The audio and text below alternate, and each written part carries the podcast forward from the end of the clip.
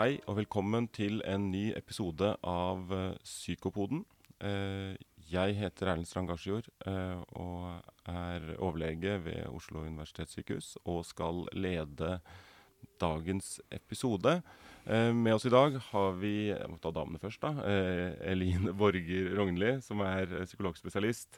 Eh, spesialist vel i rus- og avhengighetspsykologi, var det det? Det stemmer. Eh, og forsker eh, ved Rusforsk ved Oslo universitetssykehus. Og så I tillegg til Eline har vi da Jørgen Bramnes med, som er da tilbake på Psykopoden, Jørgen. Eh, Et par år siden sist du var her. Mm. Eh, Jørgen er da også da psykiater, men eh, eh, i denne sammenhengen eh, kanskje da seniorforsker ved Folkehelseinstituttet og eh, professor i psykiatri ved Universitetet i Tromsø. Og en som, og det tror jeg dere begge, eller dere begge, da, en dere har begge på en måte interessert over tid i det vi skal snakke om i dag, som er rusutløst psykose. Men jeg tenkte at vi kunne begynne med deg, Jørgen. Ja. Eh, om du kunne si litt om den interessen du har, og forskningen for så vidt som du har deltatt i, uh, for temaet rusutløst psykose litt over tid, og hvordan det på en måte Ja, hva Det tror jeg er et fint sted å begynne. Ja, uh, jo takk for det. Jeg eh, ble interessert i dette temaet fordi vi, jeg jobbet på Statens rettstoksikologiske institutt eh, for, for mange år siden, for 20 år siden. Og da kom det en henvendelse fra Lovisenberg sykehus hvor eh, de sa at dere kan jo mye om rusmidler og måling av rusmidler og sånn. Vi opplever at det er veldig mye rusproblematikk i vår akuttpsykiatriske avdeling. Er dere interessert i å være med i prosjektet eh, hvor vi prøver å få litt oversikt over, over rusmiddelbruken? Og det ble vi med på fra, fra Rettstoks den gangen og senere Folkehelsa. Og, og vi hadde et prosjekt flere ganger på begynnelsen av 2000-tallet hvor vi målte blodkonsentrasjoner og urinkonsentrasjoner av ulike rusmidler eh, i pasienter som var innlagt i akuttpsykiatrien, og som sa seg villige til å være med på, på forskningen. Eh, og det som ble veldig klart veldig fort, var at det var masse amfetaminproblematikk. Kanskje én av fem pasienter som var innlagt akuttpsykiatrisk i, i eh, den perioden, hadde inntatt amfetamin enten rett før eller eh, en liten tid før de ble innlagt på avdelingen. Og dette nikket jo klinikerne veldig til. Ja, dette kjenner vi igjen. Og så så vi jo at de hadde svært mye utageringssymptomer og skåret veldig høyt på PAN-skalaen, og det var helt umulig å skille klinisk de eh, bildene vi så av rusutløst psykose, eller amfetaminutløst psykose, og, og folk som hadde forverring av schizofreniforme episoder. Så da ble liksom hele interessen vekket for hva er dette med, med, med rusutløst psykose, og da i den sammenhengen amfetaminutløst, men, men generelt etter hvert på rusutløst psykose. Eh, og, og det har da resultert i en del eh, forskningsprosjekter eh, opp igjennom. Og så har jeg jo forstått på deg, vi har snakket litt før vi begynte å spille inn nå, da, at det med tiden så har det også på en måte Har du kanskje også blitt mer og mer usikker på eh, det begrepet rusutløst psykose. Eh, og, og det har kanskje kulminert i den eh, artikkelen som dere publiserte nå, dere sammen med Aslak Syse nå i tidsskriftet, for det var det i vinter, eh, Ja. eh, som, hvor dere sier rusutløst psykose en problematisk diagnose? Er det det som var Det var vel den formuleringen vi endte opp med. Eh, ja. Så, og det er jo litt det vi skal snakke om i dag. ikke sant? Er det en god betegnelse, eh, eller er det noe som vi mist, har mister, kanskje, eh, ved å eh, bruke den betegnelsen? Eh, ja. Men jeg tenker før vi kommer dit, så er det fint å liksom, ta, stoppe opp litt og si hva er egentlig en rusutløst psykose? Eh, eller i hvert fall det, sånn som det er definert nå. da. Eh, vet ikke om du kan si litt om det, Eline? Ja, absolutt. En rusutløst psykose er en eh, psykose som man tenker seg, det ligger jo i navnet, er utløst av rusmiddelbruk. Sånn at den oppstår akutt, umiddelbart, etter bruk av rusmidler. Um, og tanken er da at, at symptomene vil klinge av eller dempe seg relativt raskt i løpet av noen få dager dersom pasienten slutter å bruke rusmidler. Mm. Så det er jo en diagnose som i sitt navn og det er jo noe av det vi skal diskutere litt mer sikkert her i dag, gjør en antakelse om årsak. At det er rusen som på en måte er årsak til eh, psykosesymptomene. Ja. Eh, og, og hvilke rusmidler er det som særlig har eh, måte tendens til å kunne gi psykose da, hos eh, Det er jo amfetamin, som Jørgen var inne på.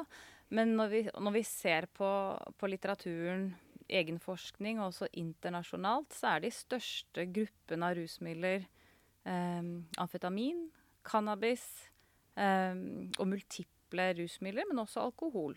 Mm. Som er de rusutløste psykosene som er hyppigst forekommende i de ulike datamaterialene. Da. Mm. Mm. Okay. Uh, og hvor vanlig er dette, da? Altså Hvor mange er det som innlegges i løpet av et år med en rus som får en da, diagnosen rusutløst psykose? Ja, her er det jo sånn epidemiologen i meg slår til, da. Og det er jo mange måter å komme med et sånt tall på. Man kan si hvor mange, som, hvor mange innleggelser man har, man kan si hvor mange personer det gjelder, man kan si hvor mange nye personer det gjelder. og mye av vår forskning har jo gått på det som kalles incidente saker, altså folk som har nyoppstått uh, uh, rusutløst psykose. og Da ligger tallet sånn rundt 500 i Norge, pluss-minus varierer lite grann.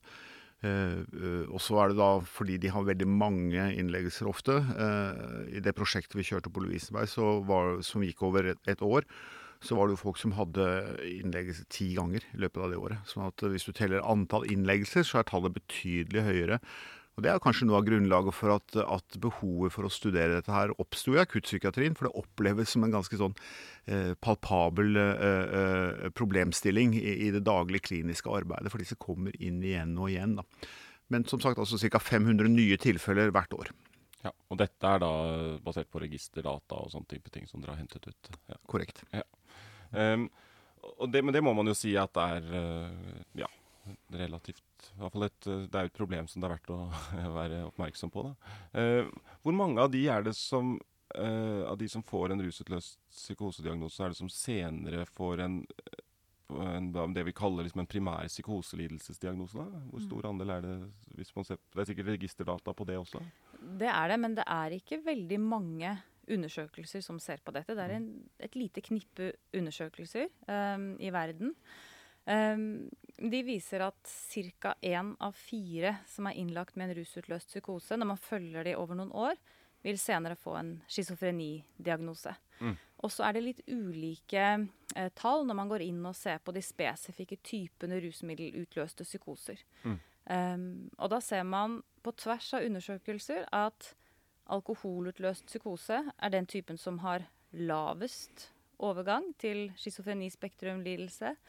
Mens cannabisutløst psykose er den som er høyest. Ca. én av tre med cannabisutløst psykose får senere en schizofrenidiagnose. Ja, og det er da sånn type at man har eh, fulgt opp om noen år og sett på ja. Oppfølgingstid ligger mellom tre til åtte ja. år. Ja. ja. Så det er jo en ganske betydelig andel, da. Så det er jo det å Hvis du blir innlagt med en, eller får en, en rusutløst psykosediagnose, så har du jo en betydelig større risiko for utvikling av en psykoselidelse sammenlignet med resten av befolkningen. Det er, i hvert fall, det er vel hevet over enhver tvil. Ja, altså fordi de andre risikofaktorene vi kjenner og snakker om, som kan være altså Vi snakker om eh, familiær belastning eller det å ha brukt rusmidler, spesielt cannabis eller, eller andre ting. Altså ikke å fått psykose av rusmidler, men bare ha brukt dem. Eh, traumer eller eh, emigrasjon eller mange sånne risikofaktorer som har vært studert da, opp igjennom for, for så ser vi jo at da ligger liksom risikoen på kanskje 1,5-2% Så dette er jo by far den eh, absolutt største kjente risikofaktoren for å utvikle en schizofreni. Hvor vi snakker om opp, opp mot én av tre. Så det er, mm. liksom sånn, det er liksom en annen divisjon når det gjelder risikofaktor. Det er i hvert fall en, kanskje, i alle fall en tydelig indikator på at dette er en gruppe som uh, ja, hvor vi bør følge opp som vi bør følge opp over tid. da, uh, I hvert fall tilby oppfølging over tid. og mm. Være litt ekstra årvåkne overfor. Uh, ja, hva skulle du si, Line? Ja, jeg tenker Når vi er inne på nettopp den diskusjonen her, så er det jo interessant hvilke ord vi bruker. For vi snakker om risikofaktor for overgang. ikke sant? Mm. Sånn at implisitt i ordene vi bruker, så er det jo som om dette var to ulike sykdommer. Hvor mm. den ene er en risikofaktor for den andre. Og så er jo noe av det vi har diskutert jo mer vi har studert fenomenet, i hvilken grad er det riktig å omtale det sånn. Og så er det nå de ordene og begrepene vi har, så det er jo det vi på en måte defaulter til å gjøre. Men, men at dette kanskje er mer langs et kontinuum. Ja. Eh, ja, så det er noe viktig å, å ha med seg i, i, forståelsen. Mm. Og, hvor, ru, altså hvor, det du sier er at rusmiddelet da, og rusmiddelets betydning eh, kanskje kan ha fått litt for stor plass eh, sammenlignet med andre kjente ja, risikofaktorer. Da. Ja. Det, det, det som ligger i bånn her, er jo at de aller, aller fleste og den alt overveiende delen av de som bruker ulike rusmidler, får jo eh, så å si ingen problemer med det, og i hvert fall, de- får de i hvert fall ikke psykotiske opplevelser med det. Eh, slik at eh, som grunnlag for å kunne få diagnosen rusutløst psykose, så må det både ligge rusmiddelbruk, noe vi mener kanskje har vært overdrevet, og så må det ligge en eh, sårbarhet eh, eh, for, for psykotiske opplevelser. Og Der er det jo flere undersøkelser må du hjelpe meg, Eline, som viser at uh, slektninger av de som har rusutløst psykose, som ikke selv bruker rusmidler, har en sårbarhet for å utvikle psykotiske opplevelser som ligner på den sårbarheten slektninger av andre som har fått uh, psykotiske opplevelser uten å bruke rusmidler, har. Med andre ord, den genetiske komponenten uh, som her da jeg snakker om nå, uh, indikerer en sårbarhet som ligger, ligger hos de som utvikler en rusutløst psykose. Og, og, og, og, jo mer jeg studerer rusmidler, jo mer blir jeg klar over at, at vi legger nok veldig veldig stor vekt på dette med rusmidler, eh, og så tar vi ikke inn over oss den veldig store sårbarheten som ligger, ligger til grunn for at man skulle utvikle en rusutløst psykose. Jeg pleier å illustrere den, det poenget ditt der da, med Jeg jobber jo på legevakten eh, ved siden av. Det, altså, det kommer jo av og til noen dit som har eh, psykosesymptomer, og hvor det også på en måte de har eh, tatt, inntatt rusmidler i ganske kort tid før de kommer til oss. Da, men, og noen ganger kommer de jo med følge av en del andre som har tatt akkurat det samme. Eh, og hvor de er eh, ganske på plass, og ingen tegn til psykose. Og da er det jo ikke Da, da er det jo eh, vanskelig å tenke at det ikke er bare det ikke bare er andre faktorer også i spill her, eh, som gjør at den ene har da havnet på legevakten med psykosesymptomer, og de andre har da gått fri for det, selv om de har måtte egentlig utsatt seg for akkurat det samme. Og så er det en lang diskusjon hva, hva sårbarhet er. Det er jo mange ulike ting. Eh, eh, det kom en veldig eh, interessant dansk undersøkelse som så på risikofaktorer for å utvikle rusutløst psykose.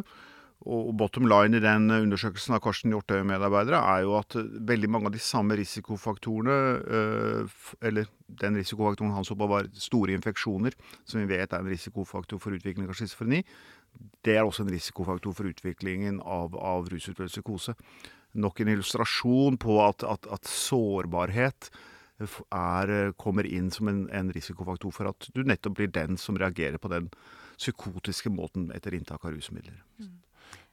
Kunne spurt bare en, en ting det som, er litt, som jeg ble interessert i i forbindelse med dette. Det er jo at du, hos de som kommer inn med en rusutløst psykose, og så eh, klinger dette av. Uh, og så er det jo eh, mange av de som fortsetter å ruse seg.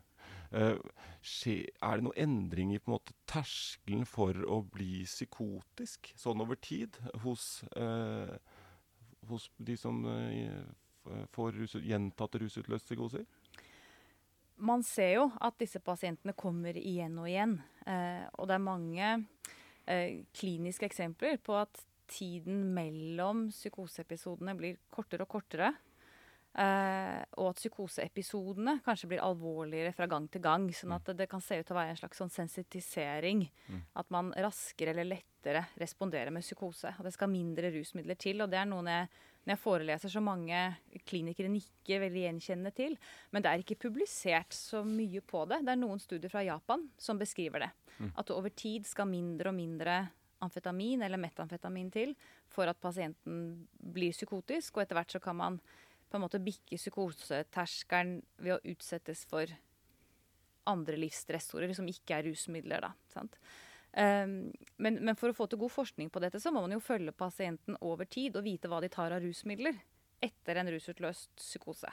Uh, og så vidt meg bekjent så har vi ikke detaljerte, gode studier på, på det. Men vi har altså disse gjentatte innleggelsene som, som vi finner også i registerdataene. Og så, og så kan man jo si at i siste instans så er jo denne overgangen til schizofrenidiagnosen et eksempel på det samme. For da får man plutselig en situasjon hvor folk er psykotiske eller blir psykotiske uten å innta rusmidler. Og da kan du si på en måte at det øyeblikket de får schizofrenidiagnosen, så har de på en måte gått eh, denne sensitiseringen til sitt endelige og avsluttende Mm. eh, eh, stadium i forløpet. da. Mm. Mm.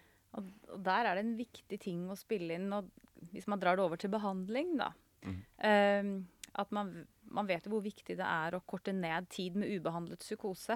Sånn at hvis dette er folk som går med en mer grunnleggende primær psykoselidelse, men som fordekkes av rusmiddelbruk og holder på inn og ut over lang tid uten å få adekvat behandling for psykoselidelsen sin, så er jo det en alvorlig ting også for prognosen til pasientene. Men ja, for tror dere at nå Altså i dag eh, At de som får eh, altså en rusutløst psykosediagnose, altså innenfor F1-kapitlet i ICD-10, eh, tror du de får eh, dårligere eller en annen type behandling enn de som har, får diagnoser innenfor F2-kapitlet? Jeg, jeg, tror jo at dette er kinkig klinisk, og ikke minst opp imot uh, det sivilrettslige, hva man har lov til å f.eks. holde folk tilbake. Fordi at noe av det som kjennetegner den rusutløse psykosen framfor den schizofreniforme episoden, er det varigheten av, av hendelsen. Uh, slik at folk, uh, når rusmiddelinnholdet i blodet, holdt jeg på å si, eller altså når påvirkning av rusmiddelet går ut, så vil mange klarne opp og ikke, ikke ha symptomer, psykotiske symptomer, og så kan kreve seg da selvsagt utskrevet og blir utskrevet. Så man har jo mye mindre sjanse til å holde på folk. Men når det er sagt, så, så, så tror jeg jo at folk går med en for lang eh, Eh, tid for, med ubehandlet psykose etter en, etter en, sånn episode, og kan ha restsymptomer som, som, som, ikke blir behandlet. Vi har jo en tendens til å Altså, I psykiatrien vi er stressa på ressurser. Vi vet ikke helt uh, hvordan vi skal få endene til å møtes. Og, og, og, og uh, det å liksom tvinge seg på å gjerne ville beholde folk som egentlig har en rusmiddellidelse, i, i anførselstegn, det er vi ikke så interessert i, kanskje. Men kan det, kan det hende at eller det kan Jeg må vel mistenke at det blir kanskje litt for ensidig fokus på rusbehandling, eh, da. Eh, og at den en del andre elementer eh, forsvinner. Og de får vel kanskje ofte oppfølging også da typisk i, innenfor eh, altså rusavhengighetsmedisinen. Og, de, og, der er det jo masse flinke folk som jobber, men det er jo ikke sikkert at Eh, kompetansen på psykoseproblematikk er like god der som i mer spesialiserte psykoseavdelinger. Absolutt. Det tenker jeg er en god beskrivelse av hvordan det sannsynligvis er. Det står jo i behandlingsveilederen eh, for, for, psykosebehandling at man skal utelukke at det er en rusmiddelutløst psykose. Altså man skal differensialdiagnostisere det bort. Da. Og hvis vi leter både nasjonalt og internasjonalt etter gode behandlingsveiledere for rusutløst psykose, så finner vi svært lite. Du gikk en gjennomgang av dette og fant ja. ikke mye? Nei, jeg fant ikke mye. Jeg fant I de norske veilederne så er det beskrevet litt i ROP-retningslinjen. Eh, men det er nettopp som du beskriver, Jørgen, at det er, det er, fokus på differensialdiagnostikk, og at det er vanskelig, men viktig, fordi det får implikasjoner for behandling. Eh, og så Det som står, er at Eh, de rusutløste psykosene, eller at psykose, uavhengig av årsak, skal behandles akutt i psykisk helsevern. Langtidsoppfølging av disse pasientene står det ikke noe om, men det, det er vårt inntrykk at de henvises til en ruspoliklinikk for å endre rusmiddelbruken sin, siden man antar det er årsaken til psykosen. Og når man også ser på de internasjonale veilederne, så, så forutsetter på en måte alle at det er en F2-diagnose med komorbid rusmiddelbruk. Og da er det en, en, rekke råd og anbefalinger. Men til denne rusutløste psykosen som ikke er diagnostisert som primært, så, så står det fint lite om, om, hva slags hjelp som skal gis. Og under ligger det en slags sånn uh, implisitt forståelse at bare man slutter med rusmidler, så er alt bra. Mm. Og det er jo det vi utfordrer. da. Vi tror ikke at det er løsningen. Når man gjennom rusmiddelbruken har avslørt en så stor sårbarhet for psykotiske opplevelser, så tenker vi at det er et faresignal og burde tas på alvor for de som tenker seg at de skal behandle F2-pasienter, og, og, ikke bare tenke at liksom, slutter du med rusmidler, så blir alt bra. Mm. Man, kan, man kan sånn sett altså Diagnosemanualen og disse at uh, de kan også skape noen utfordringer egentlig i vår, hvordan vi lager tjenestene våre. Hvis vi blir liksom veldig opptatt av det, det kapitlet der og det kapitlet der. Og, så er det kanskje, som du sier, egentlig ikke nødvendigvis en vesensforskjell eh, mellom eh, i hvert fall ikke så stor vesensforskjell mellom disse tilstandene som denne liksom, strenge kategoriseringen skulle tilsi. Da. Mm. Eh, og at vi kanskje må tenke litt mer hybridløsninger her. Eh, jeg vet ikke hva dere tenker rundt det, altså i møte med denne gruppen. Eh, skulle, har dere noen tanker om hvordan vi kunne organisert tjenestene annerledes overfor de? Jeg tenker jo at det, det vi har foreslått litt sånn uh, off the top of our heads, er jo å, å, å flytte denne diagnosen til F2-kapitlet. Og si at det er at dette, dette er en F2-diagnose. Dette er ikke rusutløst psykose, men det er førstegangspsykose eller psykose hos pasienter som også bruker rusmidler. Eh, og så kan det være mange forskjellige ting som utløser det. Eh, denne gangen var det rusmidler, det kan godt være andre ting. Nå vet vi jo at den kliniske praksisen i dag er litt sånn at en god del klinikere faktisk anerkjenner dette og, og setter en F29-diagnose med, med, en komorbid FN-diagnose for bruk av rusmidler. Eh, eh, og det tror jeg utløser en god del mer pasientrettigheter enn en eh, det du får ved å få en FN X.5, som det heter, en rusutløst psykose. Mm.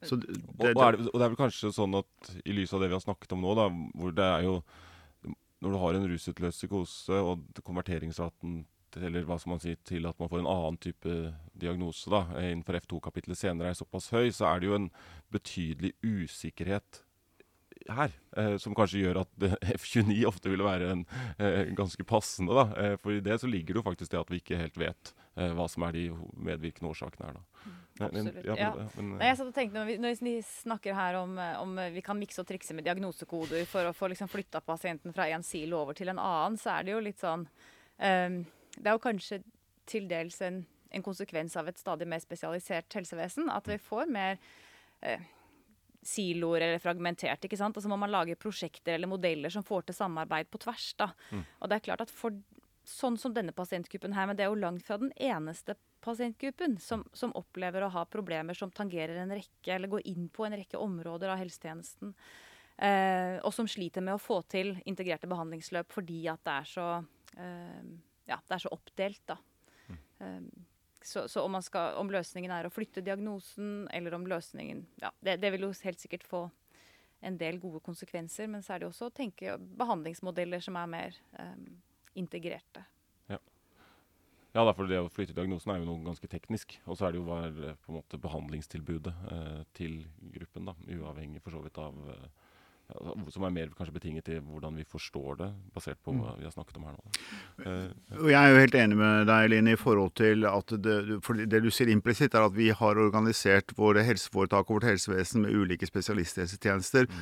som, som, som, gjør sin jobb, i anførstegn, og så gjør de ikke så veldig mye annet. Til tross for hva f.eks. behandlingsveilederne sier på, på dobbeltdiagnoseløp osv. Men det, men det, gjelder da i stor grad i Norge. Jeg tror at uh, hvis vi skal få impact på dette internasjonalt, og vi mener jo dette er jo ikke noe spesifikt problem for Norge, dette er et internasjonalt problem, uh, så, så, ville det at uh, man gir de diagnostiske kriteriene som danner utgangspunkt for manualer og guidelines sånn, at man, man, sa kraftig ifra at har du en rusutløst psykose, så tilhører du på en måte psykosespektrumlidelsen, og du tilhører ikke ruslidelsen. Det tror jeg vil være et, et viktig Eh, bidrag til å endre fokus for hvordan man tilnærmer seg denne pasientgruppen. Ja, jeg har jo mange ganger uh, tenkt at og for så, Kanskje ikke om jeg har snakket om det her òg, men altså at eh, mer uh, de overordnede kategoriene, da, altså f.eks. psykose som fenomen, som oppstår en mennesker, og så noen underspesifikatorer, f.eks. både knyttet til forløp eller sentrale risikofaktorer og sånne ting, hadde egentlig vært mer meningsfullt Eh, tror jeg, da. Eh, og også gitt mer informasjon om den enkelte pasient. At vi, sånn at eh, ja, så, så, det er jo absolutt mulig å tenke litt annerledes rundt akkurat hvordan vi, disse diagnosemanualene er bygd opp. da. Ja. Men tenkte på uh, for det, det, er en betydning for behandling i hvert fall kan i hvert fall gjøre at du kanskje blir da ikke får tilgang til en del behandling som du skulle ha hatt, da, er det dere sier. Mm. Eh, når jeg snakker med kolleger om dette, så er jo det mange spør om, er jo det Ja, tenk hvis vi uh, tenker dette mer som en del av psykosespekteret, uh, og uh, ja, tenker du da at alle skal ha medisiner? og det er jo et vanskelig spørsmål. Eh, har dere noe, Hva tenker dere For det er jo en anbefaling, da, bare for å si det. da, sant? Hvis du får en førstegangspsykose, eh, så er det jo i, i behandlingsveilederen er en anbefaling at eh, alle skal på en måte forsøke tilbys et forsøk med et antipsykotisk legemiddel eh, over så og så lenge. Og gjerne da, eh, hvis du har schizofreni, så er det vel egentlig to år det står. da. Det er jo, nå, nå er det jo trukket mye tvil den, måte, hvor lenge den varigheten skal være, men det er i hvert fall en, eh, at et forsøk med et antipsykotisk legemiddel over en eh, relativt lang tid. Hva tenker dere rundt det og i møte med denne gruppen? Hvordan skal vi forholde oss til det? Det er jo helt klart noen utfordringer i forhold til å skulle blande ulike psykofarmaka med, med rusmidler. Eh, uten at vi skal overdrive problemene med det. fordi vi vet jo at mange av de som ender opp med en schizofreni, eller har en schizofrenidiagnose som den første kontakten, og som tilbys den behandlingen du sier nå, de har jo også et rusmiddelproblem, uten at vi lar, det, la, la oss stoppe av det i forhold til sånne behandlingsforsøk. Men det er klart det er noen hensyn man må ta på interaksjonssiden, både farmakokinetisk og farmakodynamisk. Men når det er sagt, så tenker jeg at, eh, at eh, det er mye forskning som i hvert fall antyder at eh, det kunne eh, være hensiktsmessig også tilby denne gruppen eh, pasienter behandling med f.eks. antipsykotika over tid. Nå er ikke jeg noen ekspert på behandling av førstegangs schizofreniepisoder og førstegangspsykoser, men, men jeg tenker at det er mye som taler for at de bør behandles på samme måten. Og det er noe forskning som tyder på at det også kan ha en gunstig effekt i forhold til forløpet med nye eh, rusutløste psykoser. Men det er en gruppe det er veldig vanskelig å komme til med behandling på, eh, fordi det er jo folk som er raskt inne og raskt ute fra veldig mange behandlingssituasjoner, og, og det er enda vanskeligere her å komme til med god, eh, langsiktig planlegging og behandling. Det ville jo vært et fantastisk interessant forskningsprosjekt å se om man kunne påvirke overgang til schizofreni ved å tidlig behandle medisinsk. Da. Um, og det er få kliniske studier. De fleste studiene som, som vi kjenner til, er epidemiologiske, eller det er store, store registerstudier. Um, men så er det jo en rekke andre um, tiltak som kan settes inn, som ikke er medikamentelle også. Både til individet og, og støtte inn på en rekke livsområder, og til pårørende. Som, som det er vårt inntrykk at denne pasientgruppen ikke får tilgang til uh, i dag, når de på en måte eventuelt får en henvisning til en ruspoliklinikk og ikke så mye oppfølging for psykoseproblemene de har. Nei, og Det er et veldig godt poeng. og det er kanskje, Der er det i hvert fall lett å enes om at det bør de også tilbys. Også, for det er jo den, kanskje den utfordringen man står overfor med, rundt det medikamentelle, er jo det at det er jo, som f.eks. en cannabisutløst psykose, så er det jo også to av tre som ikke får en sånn diagnose ikke sant, uh, senere. Uh, og da, så Vi må hele tiden på en måte tenke på number needed to treat her. og eh, så, så det er liksom eh, Ja, det er, det er noen avveininger. Men veldig spennende som et eh, ja, å gjøre noe forskning på det. Men, men når du sier det, så ja, altså vi må ha oppmerksomhet på den to tredjedelen som ikke utvikler dette også. Og vi kan ikke på en måte uh, tenke at det er en slags sånn uh, sikker overgang. Eh, vi har jo bare pekt på en, en, en stor overgang, og ikke at alle krysser linjen.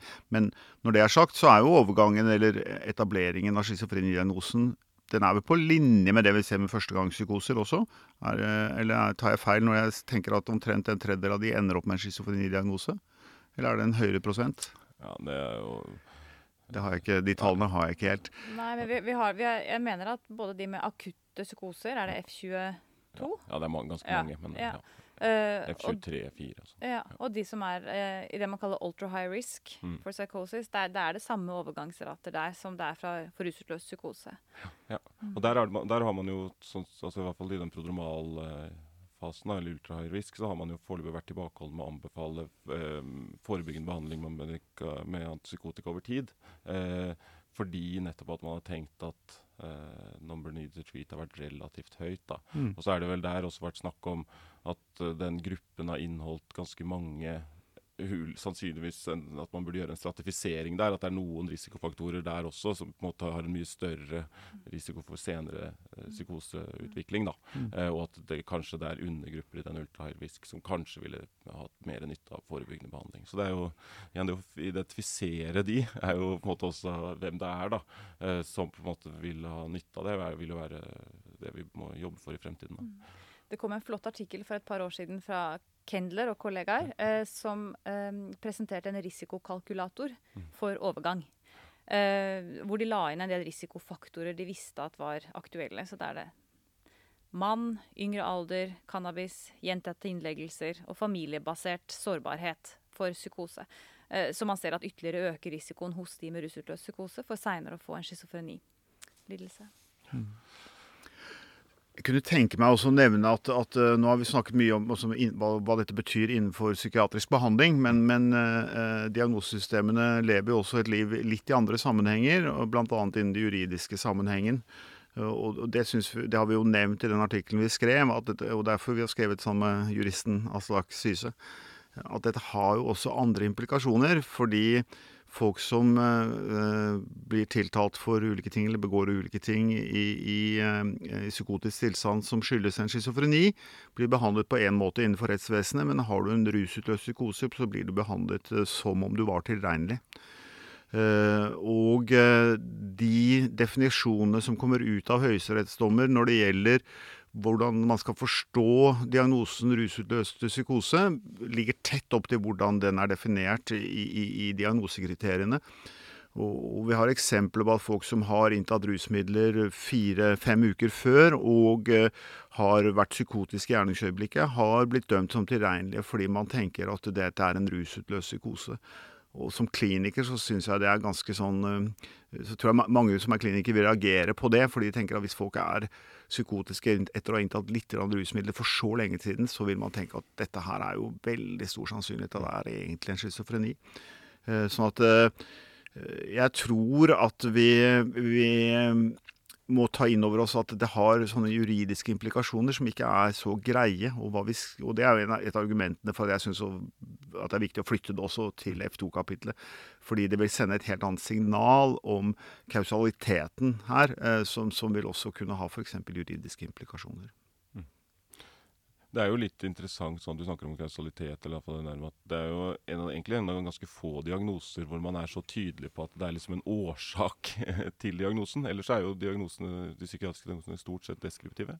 Mm. Eh, og uten på en måte at man eh, har en annen eh, antagelse om mm. årsak. Eh, og det eh, er kanskje en i møte med denne pasientgruppen kanskje en forenkling eh, som, er, som vi kanskje bør unngå.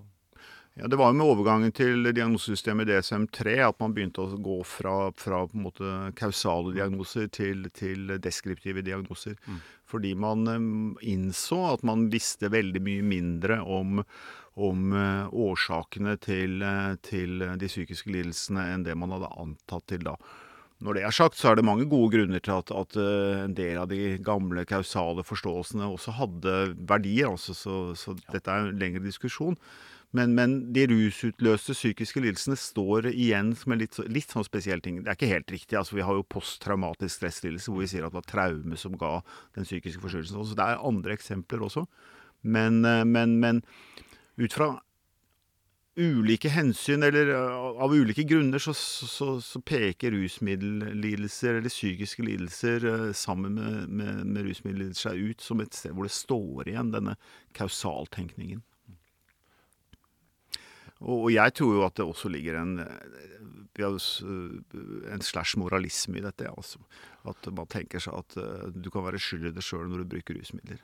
Og, det, og det, Du sa vel det i stad, at det dere kunne da tenke dere som et sånn mer en alternativ betegnelse, bare for å gjenta det, da, det var jeg vet ikke om du vil repetere det, Line? Det var Psykose utløst av rusmidler kunne erstattes med psykose etter bruk av rusmidler. F.eks. Ja. hvor man er mer forsiktige ja. i, i kausalitetsantakelsene.